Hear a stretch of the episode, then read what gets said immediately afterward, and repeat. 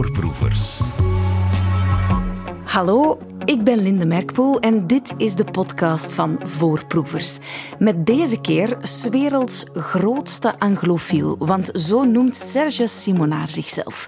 Hij schreef een boek over Londen, maar, zo waarschuwt Serge, het is geen boek voor backpackers met een laag budget, wel voor romantici, honeymooners en meerwaardezoekers voor wie het iets meer mag zijn. En zelfs als u niet tot één van die categorieën behoort, is dit nog altijd een hoogst aanstekelijke ode aan het prachtige Londen. Welkom bij Voorproevers. Voorproevers. Gisteren was een heugelijke dag, want Serge, je dacht dat ik het vergeten was, maar jij was jarig gisteren. Inderdaad, net zoals uh, zoveel vrouwen heb ik uh, voor de veertigste keer mijn 29ste verjaardag. Dikke proficiat, Serge Simonaar. Normaal gezien krijg je cadeautjes als je, als je jarig bent. Maar jij geeft er ons eentje, want je hebt een... Ik heb het gelezen, dus ik mag het gewoon zo zeggen. Je hebt een heerlijk boek geschreven over Londen. Merci daarvoor. Uh, je had er gisteren moeten bij zijn, want ik heb voor mijn verjaardag uh, Engelse champagne geschonken. Dezelfde die de Queen schonk op haar jubilee trouwens. En hij was heel lekker. Ja, je had gisteren een boekvoorstelling in Stad Leest in Antwerpen. Um, ja, je begint over de Queen. Ja, jouw, jouw favoriete stad Londen is in rouw vandaag. De Queen werd vandaag begraven. Het uh, beheerst al een hele dag het nieuws. Voel jij mee? Um, ja, met mate. Want ik, ken, ik moest daar straks denken aan een Engelse vriend. De, de, de, ik, ik verzamel uh, dingen, antiek en zo, en kunst. En ik ken een aantal uh, kunstverzamelaars, maar ook verzamelaars van heel excentrieke, wat ze in het Engels noemen, conversation pieces. Zo, zo antieke objecten waar een heel verhaal aan is verbonden. Mm -hmm. En waar, wat ze graag vertellen tijdens het diner. Um, en een van de dingen die verzameld worden is haar. En uh, die vriend, die had, uh, kunstverzamelaar, die had een haar gekocht, om maar te zeggen hoe ver royalisme en interesse in uh, het koning, koningshuis en de queen en zo gaat. Die had een baardhaar gekocht van James I. Nu moet je weten, James I is onthoofd door de Republikeinen van Oliver Cromwell. En dan heeft iemand de tegenwoordigheid van geest gehad om die zijn baard af te scheren of een aantal haren uit te trekken. En één van die baardhaartjes, nogal rossig, hij heeft het mij laten zien, um, wordt dan verkocht als een soort reliquie 300 jaar later. En niemand koopt dat. Dus dan moet je wel heel royalistisch zijn, zover ga ik niet. Maar ik, ik Alexei, ik heb de Queen een paar keer van dichtbij gezien. Ik heb ze nooit gesproken, maar ik ben drie keer in haar buurt geweest. En twee van die keren vond ik heel typerend. Eén was aan de cenotaaf, uh, waar ze dus de, de oorlogsslachtoffers herdenken en zo uh, in november, waar iedereen langs marcheert in Londen. En toen waren er even, dat was voor ze naar buiten ging. Ik was toen ook binnen. Ik was uitgenodigd door een majoor, door een bevriende Engelse majoor op rust. Um, en voor ze buiten ging, er waren nog geen camera's was ze al aan het praten met oud-strijders en zo. En heel bevlogen en heel gemeend. Niet, niet formeel, niet gepland. Er was niks pro forma aan dat mens. Ik heb zo ook meegemaakt in Fortnum en Mason dat ze ook geen camera's bij. En er was een oud mevrouwtje, of een oud mevrouwtje, iets jonger dan zij, maar ook behoorlijk oud. En die, die was zo zenuwachtig en die moest een trapje af en die struikelde. En de Queen heeft die tegengehouden. En heel sympathiek en informeel, ook geen camera's bij of wat dan ook. Allee, echt een heel warme. Allebei, omdat ja, omdat altijd wordt gezegd. Veelzeggende, altijd wordt gezegd dat ze geen gevoel had, omdat ze nogal cool reageerden op de dood van Lady Diana en zo. Nee, nee, een, wat ik ervan gezien heb. Uh, als je dan toch een koningin hebt, dan kan je niet beter hebben. Ja, we zouden een heel uur over de Queen kunnen praten, denk ik, zonder twijfel. Maar daarvoor moeten we later nog maar eens afspreken, Serge. We gaan praten over Londen en over het boek dat je daarover schreef. Kan je je nog de eerste keer herinneren dat je in Londen was? Uh, ja, helaas wel. Um, Oei. Want toen was, ik, uh, toen was ik 17, denk ik. Mijn vrienden hadden toen uh, Interrail een maand met de trein door Europa reizen. Ik had nog een paar dagen over, dus ik dacht ik ga naar Londen. En het was En ik kwam daar, ja, ik kwam daar aan, aan de, de Mall, de, de, mall de, de grote laan richting Buckingham Palace, voor mm -hmm. de eerste keer in mijn leven. Dus ik dacht ik moet dat toch eens zien.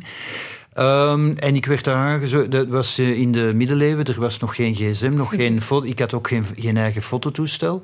En ik werd aangesproken door een man en die uh, bood aan om voor vijf pond, wat toen heel veel geld was, zeker voor mij als arme student, um, voor vijf pond een foto van mij te nemen en die dan op, op te sturen. Natuurlijk nooit een foto gezien. En ik had ook LP's bij die ik wou verkopen uh, bij een tweedehands uh, platenzaak in Engeland. En daar boden ze mij vijf pence per LP. En dan kreeg ik voor, denk 50 LP's, kreeg ik dan een voucher voor 2 pond, waarbij ik één LP mocht kopen in hun winkel. Dus pure als... oplichterij. En toen ging ik slapen in een youth hostel en daar werd ik gemolesteerd door een uh, homopedofiel. Dus ik kan niet zeggen dat het direct Geen grote, succesvol grote eerste was. bezoek. Maar de liefde is dan later toch gekomen. In je boek schrijf je dat je er minstens duizend keer geweest bent. Ja, dat doe je niet naar een stad die je vervelend vindt. Ik dacht dat dat overdreven was, maar ik heb het nageteld. Het is 2000 keer. Wat heeft jou allemaal naar daar gebracht? Wel, mijn werk om te beginnen. Bijna Sowieso. alle grote rock- en pop-interviews waren in Londen en zo. Dus dat, dat is al meer dan duizend keer enzovoort. Maar uh, ik wou er juist, er juist hadden we het voor we begonnen over radio. Wat ik zo heerlijk vind aan de Engelse, dat is maar één voorbeeldje. Dat is dat heel lang, nu niet meer, maar heel lang. Uh, je weet, radio is begonnen in 1920 of zo. En de nieuwslezers van de BBC op de radio lazen het nieuws voor in smoking. Ook al was het radio en zag niemand het, want the news is a serious business. Dus uit principe droegen die een smoking.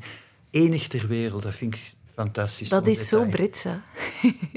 We hadden het net over armchair traveling. Je zegt uh, in je boek, gebruik dit boekje zeker bij de voorbereiding van je reis en geniet van het plezier om erin te bladeren en als voorspel om in de stemming te komen. Ja, kijk, daar, daar had je mij al. Daar kan ik mij volledig in het is, vinden. Het is een mengeling van een fotoboek en een reisgids. En, en ik heb daar goed over nagedacht, want eigenlijk een reisgids, je kan zeggen, oké, okay, we hebben het internet, er zijn een ziljoen websites over Londen, een ziljoen Instagram-accounts en zo. Maar het punt is, je hebt een goede gids nodig. Je kan dat niet betrouwen. Instagram, dat is allemaal copy-paste. Hele mooie fotootjes, maar die mensen zijn daar zelf niet geweest. Als die een hotel laten zien, dan weet je niet of daar een... Uh, slachthuis of een discotheek naast is. Als die een restaurant tonen met een mooi interieur, zijn ze er zelf niet geweest. Je weet niet of het eten op iets trekt. Je weet niet wat de beste tafel is. Je weet niet welke dag je moet vermijden. Het is vaak heel hard ingezoomd en gekadreerd op het mooiste. En daardoor ja. heb je dan... En je moet ook een hedonist hebben. Ik, het is geen reisgids voor backpackers of arme studenten. Het is voor mensen die een citytrip op niveau willen maken. Het mag wat kosten.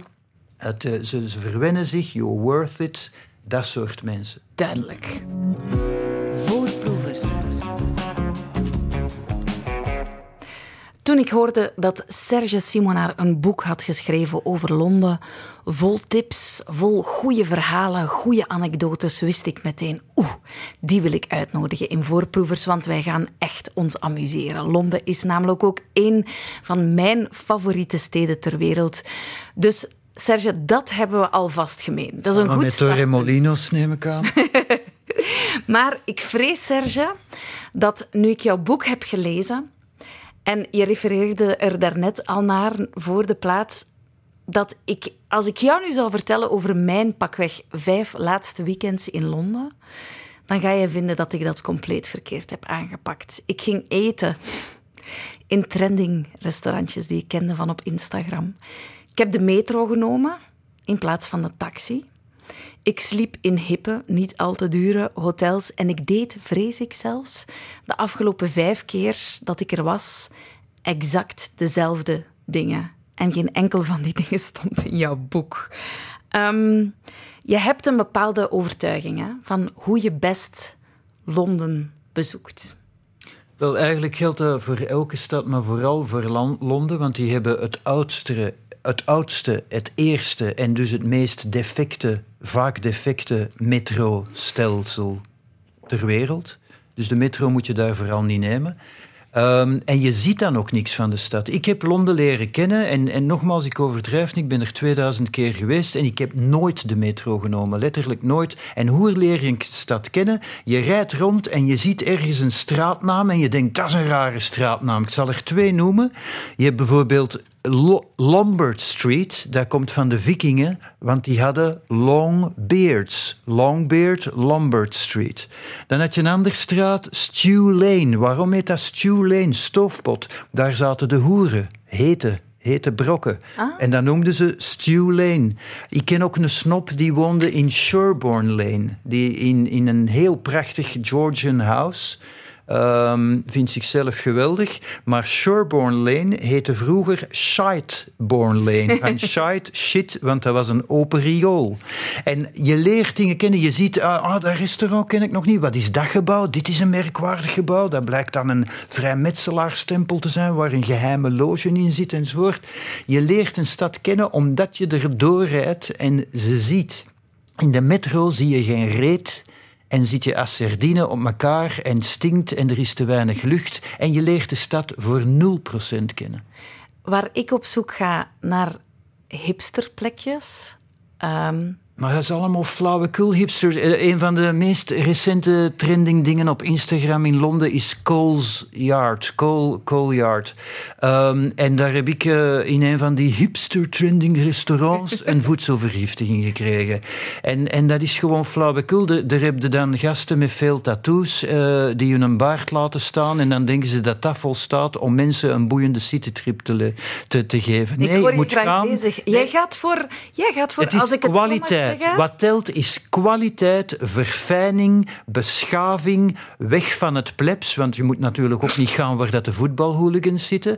Je moet weten wanneer je waar moet gaan. Je moet weten wat de beste tafel is. Je moet weten welke dagen je moet vermijden. Je moet weten welke wijken op welk moment van het weekend het meest interessant zijn. Mag ik het, mag ik het omschrijven als een soort van neem het niet verkeerd op, een soort van ouderwetse klasse is dat het waar je naar op zoek ja, bent? Is dat wat, ben, wat, Londen zo aantrekkelijk Ik ben geen snop, maar ik vind ambacht belangrijk, kwaliteit, verfijning, dingen die met liefde zijn gedaan, dat eten met liefde is bereid, dat, dat, dat je in een mooie locatie dineert, in een prachtig 18e eeuws of 19e eeuws gebouw, uh, niet in een of andere pop-up, want pop-ups, wat is dat? Dat zijn mensen die snel geld willen verdienen in een ruimte die hen bijna niks kost. Dan ga ik liever in een 19e, 18e, 17e eeuws kasteel of geheim, geheime plek in Londen, waar dan toevallig ook nog eens lekker eten is. Dan heb je iets beleefd namelijk. Het gaat om beleven.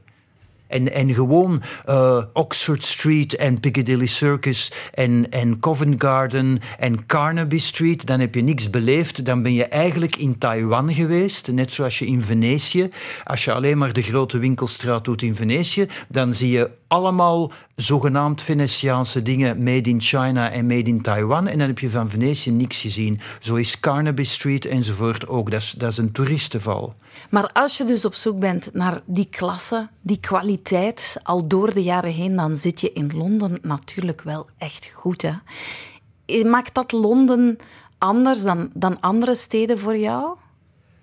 Londen heeft een aantal fabelachtige voordelen. Op de Blitz na, de Blitz het begin van de Tweede Wereldoorlog, waar Londen is gebombardeerd, dat that's it. Voor de rest is Londen veel minder gebombardeerd dan uh, Yper, om maar iets te noemen, of, of zelfs Antwerpen of Brussel of noem maar op. Ten tweede, Engeland. Ik zeg in mijn boek al lachend lang leven het kolonialisme. Dat is natuurlijk niet. Maar door het kolonialisme hadden de Engelsen in de 18e en 19e eeuw zoveel geld dat in geen enkele andere stad, zelfs niet Parijs of noem het maar op, staan zoveel prachtige gebouwen die, die op, gezet zijn met de opbrengst van het uitbuiten van andere mensen in, in andere contraien. Maar oké, het zijn wel prachtige gebouwen waarvan je nu kan genieten ja, en zo komt het natuurlijk dat op veel plekken het lijkt alsof de tijd er heeft stilgestaan. En daar komt dan ook nog eens bij dat er heel veel plekken zijn waar ooit bekende regulars zaten. Zo uh, omschrijf je in je boek de cocktailbar waar Ian Fleming geregeld zat, het hotel waar Oscar Wilde werd gearresteerd, de barbier waar Morrissey zich niet zo lang geleden nog liet scheren. Zaken pakken daar ook wel graag mee uit. En in Londen al zeker. Doet dat met jou iets als klant? Um, ja, zeker. En niet omwille van de name dropping, maar dat, dat zijn brokjes geschiedenis. Ik wil altijd overal zo dicht mogelijk bij de geschiedenis komen. En als je dan weet uh, dat, dat op die plekken dat daar niks is veranderd. Bijvoorbeeld de Café Royal, waar Oscar Wilde heel vaak ging, waar bijvoorbeeld ook David Bowie en Lou Reed en Mick Jagger en zo kwamen, Marilyn Monroe, uh, Churchill, noem maar op, Wellington. De, de Café Royal, daar is letterlijk niets veranderd sinds, ik denk, 1810. Dus dan heb je een patina en dan heb je het gevoel dat je, hoe miniem ook, deel van die geschiedenis wordt. Dat geeft een meerwaarde aan je diner en, en aan je beleving. Ja, en dat als je rond je kijkt, dat je hetzelfde ziet als wat pakweg Oscar Wilde daar zag toen hij daar x aantal jaren geleden zat. Ze, ze hebben een heel mooie uitdrukking in Engeland en dat, dat is places that are still in their own juice in eigen nat, die onveranderd zijn gebleven, in their own juice.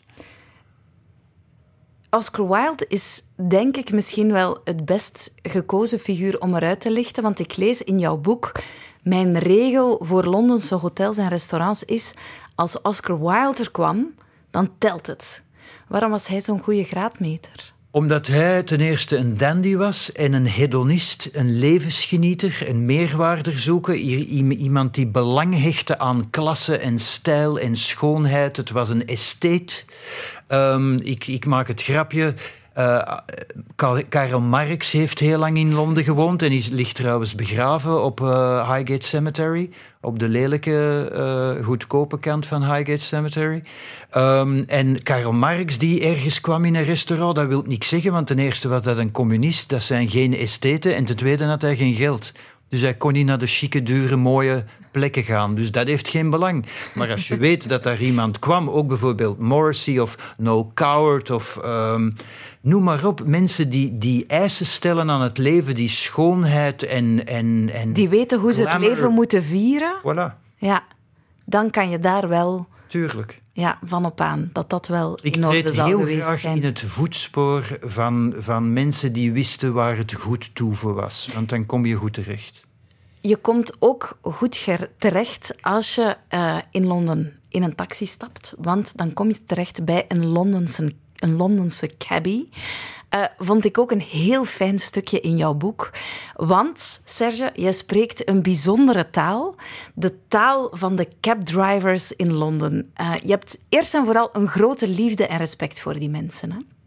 Het fantastische aan Londense cabbies is dat die ten eerste zelfs in de tijd van Waze en GPS moeten die de knowledge doen. De knowledge is het zwaarste taxichauffeur-examen ter wereld. Dan moet je echt, je moet je voorstellen, Londen, dat is Antwerpen, Gent, Hasselt, Kortrijk, maal 100 in het kwadraat. En die moeten elk steegje kennen, elke muse, elke lane, eh, alles.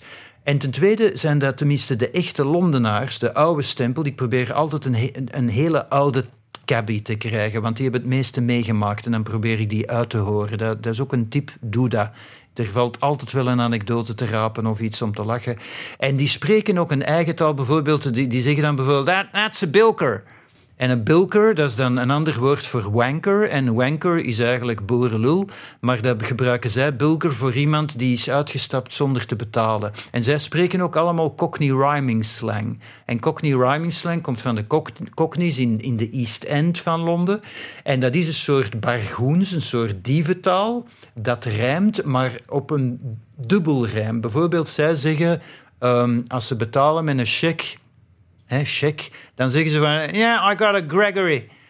Omdat Gregory, er was een acteur, die heette, een hele beroemde Amerikaanse acteur van lang geleden, Gregory Peck. En Peck rijmt met check. En dat was ook bargoens, omdat de politie dan niet snapte wat ze zeiden. Als ze zouden zeggen Gregory Peck, dan wist de politie, ah ja, Gregory ja, Peck, check. Maar als ze alleen maar zeggen Gregory, en zij alleen weten dat ze Gregory Peck bedoelen, dan kon de politie niet volgen. En zo staan er nog een paar coole uitspraken. Ik las ook: On a Saturday night in Regent Street, it's always a, Mexican, wave. Ja, dat wil zeggen, een Mexican wave wil zeggen dat op drukke winkelstraten op zaterdagavond staan er dan 40, 50, 100 mensen die allemaal een taxi willen, dus die allemaal hun, hun arm omhoog steken, zoals een Mexican wave.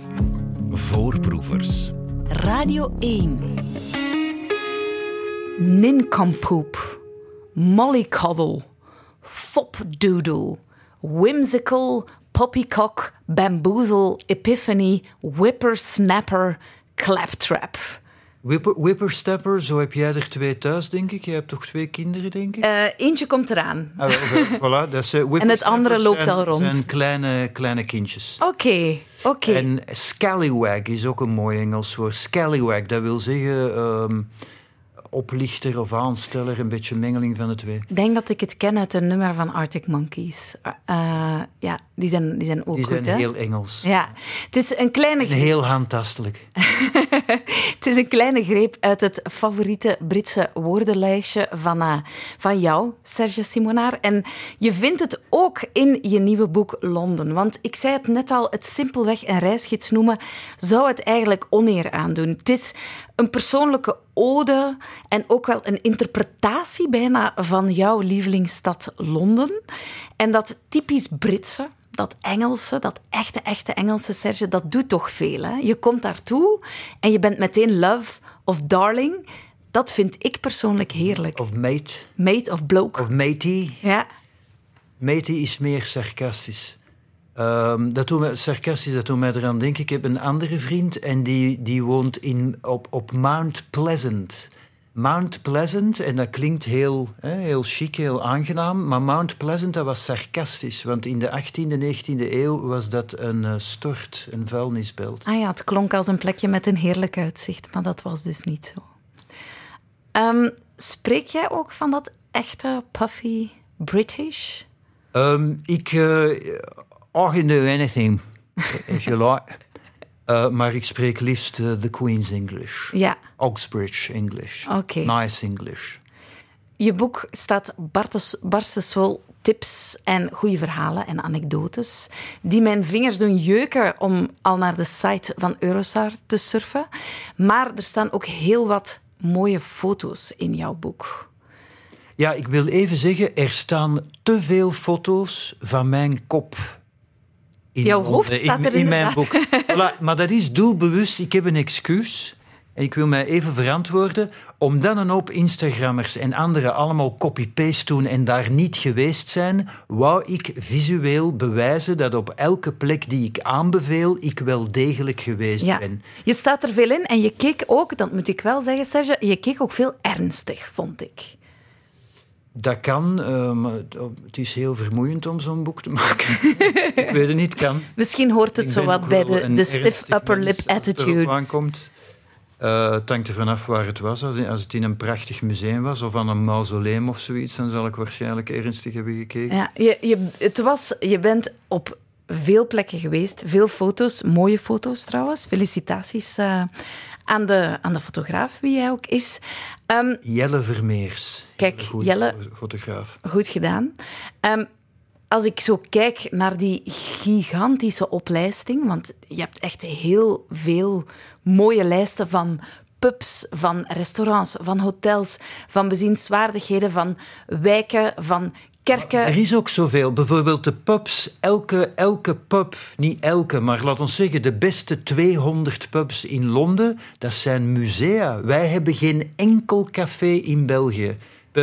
Misschien in Brussel aan de beurs, daar de Falstaff of zoiets, maar dat is geen echt café, dat is meer een soort restaurant, brasserie. Maar eh, een pub in Engeland, dat is een museum. Dat is met marmer en goud en spiegels uit 1820 en... en daar heeft eh, Samuel Beckett nog gezeten en, en daar eh, heeft Queen Elizabeth, letterlijk de eerste, dus in de 17e eeuw, Queen Elizabeth nog rond een boom gedanst en er staat nog een stomp van die boom in het café en zo. Allee, En daar staat een opgezette papegaai die vroeger champagnekurken kon. Ja, er is zelfs een, eh, een, in Londen een museum met een opgezette wetenschapper. Een wetenschapper die zijn eigen lichaam, ik verzin niks, Uh, het is nu dicht, is in renovatie. Uh, heeft laten uh, opzetten en mumifiëren. En die, die, die zit daar sinds 1820, geloof ik. Een man met zo'n gigantische lijst in zijn hoofd zitten van al die mooie plekken. Jij bent waarschijnlijk de man die door al, alle vrienden en kennissen wordt gebeld of ge-sms'd als die vertrekken op weekendje. Serge, waar moeten we reserveren, jong? Vind je dat, dat leuk? Dat is één van de redenen dat ik dit heb gemaakt. Dan ben ik daar vanaf. Dus je vindt dat niet zo super. Maar ook nog één ding over die mooie foto's van Jelle. Mhm. Ik wou ook absoluut geen stokfoto's nemen. Zo van die foto's van agencies, uh, die, want die zijn niet sfeervol. Daar krijg je niet een goed beeld van hoe sfeervol een bepaalde plek is. Een museum, zelfs een, een, een begraafplaats, een kerkhof, Highgate Cemetery, dat is het Londense Père Lachaise. Er zijn ook stukjes van geheime plekken en dan moet je een steegje nemen, dan moet je door de klimop en door door de broesen en kom je weer aan een ander mausoleum. Echt fabelachtig. Stel, jij en ik, het is uh, tien voor zeven, wij vertrekken nu, nu, nu. Dan arriveren we tegen dinnertime in Londen, hè, want die lopen een uur achter. Geen limitaties, ik trakteer, want je bent gisteren verjaard. Waar zouden we dan vanavond moeten gaan eten? Wel, om te beginnen zou ik al uh, weken of maanden op voorhand een theater hebben gereserveerd. Want het theater in Londen is het allerbeste theater ter wereld. Theater, wij hebben ook goede theatermakers en acteurs, maar in Londen is het nogmaal 50. En alle beroemde acteurs die je ooit hebt gezien op tv of in films, die staan daar op het toneel. Ik heb Keira Knightley gezien van op een meter afstand. Ik heb Juliette Binoche in het Engels uh, op een meter afstand op het toneel. Ja. Uh, Jude Law, ik ook. En um, David Suchet van Poirot. En noem maar op. Al die mensen. De, en, en je, ik neem ook altijd uh, stoelen op de eerste rij. Ik ga nu in oktober weer. Um, en jij bent die man. Ga, nee, maar die om, eenzaam op de eerste wil, rij zit. Ik wil, die, ik wil dat hun zweet op mij spat. Ik wil elke twitch, elke beweging van hun spieren zien. Ik wil zien dat ze zich uitsloven. En, en het theater in Londen is fabelachtig. Dus dat zou ik al maanden op voorhand hebben gereserveerd. Want okay. alles zit direct vol. Check. Dan zou ik... Uh, het, de restaurants zijn heel laat open, dus dan zou ik je meenemen nu, vermits je toch uh, zo'n zo, zo soort pseudo-trendy voormalig Studio Brussel-figuur bent, zou ik jou meenemen naar uh, Park Row. Dat is een, een nieuw restaurant um, onder Piccadilly Circus. Uh, dat al bestaat van de jaren 20. Dat was vroeger de Atlantic Bar and Grill. En daar is nu een thema-restaurant met als thema Batman. Maar niet gewoon de platte strips, maar echt alsof je in Gotham City dineert. Dus ook met de pinguïn en met een orkest en met een sfeer van de Roaring Twenties uh, en, en, Manhattan. En de, de wc's zijn zo versierd zoals Poison Ivy. En de mannenwc's, de vrouwentoiletten en de, de mannentoiletten zijn versierd zoals de Joker. En er zijn nog van alle geheime dingen die gebeuren en zo. En, en verrassingseffecten. En je daalt echt af 20 meter onder de grond in Londen en zo. Echt een belevenis. Oké. Oh. En daarna zou ik om middernacht naar de Comedy Store gaan, waar de beste stand-ups allemaal begonnen zijn. Zalig. Klinkt als een heerlijk avondje uit. Ik ga jou, liefste Serge Simonaar, een onmogelijke vraag stellen. Want ik weet, jij bent notoir Venetië-fan. Heb je ook een boek over geschreven en een reeks over gemaakt? Mag ik jou laten kiezen? Venetië of Londen? Um, cultureel is Londen Venetië maal duizend. In, in Venetië heb je één opera, Fenice. Uh, heb je bijna geen theater, toch zeker niet dat op iets trekt. Uh, heb je ook wel wat musea. Maar cultureel laaf ik mij aan Londen. Um, en ik zou gewoon uh, een palazzo kopen in Venetië en een kasteel net buiten Londen. Dan heb ik nog wat rust. Of in Hampstead, een van de rustiger wijken. En ik zou pendelen tussen de twee. Oké. Okay. Voorproevers. Beste Serge Simonaar, Ik zou nog uren met jou kunnen praten. Heel erg bedankt dat je er was. Heel benieuwd hoeveel mensen precies het afgelopen uur een ticket met de Eurostar hebben geboekt naar Londen, want jouw liefde voor en enthousiasme over Londen... Je bedoelt als ze nog geld over hebben na het kopen van mijn reisgids en na het betalen van hun verwarmingsrekening. Ook al. Wanneer is jouw volgende trip naar Londen gepland? Uh, op 14 oktober en ik ben dolblij dat je het vraagt, want dat geeft mij het kleinzielige excuus om even te pochen. Ik ben lid van de Oscar Wilde Society. Um, en ik ga op 14 oktober in de Gentleman's Club, de Savile Club, op de verjaardag van Oscar Wilde, waar hij zelf lid was, een diner bijwonen van de Oscar Wilde Society. Wauw, dat klinkt exclusief. Echt iets voor jou, Serge Simonard. Voorproevers. Dit was Voorproevers, een podcast van Radio 1 over een waar verhaal en met een interessante mens. Al onze afleveringen kan je beluisteren via de VRT Max-app. Voorproevers.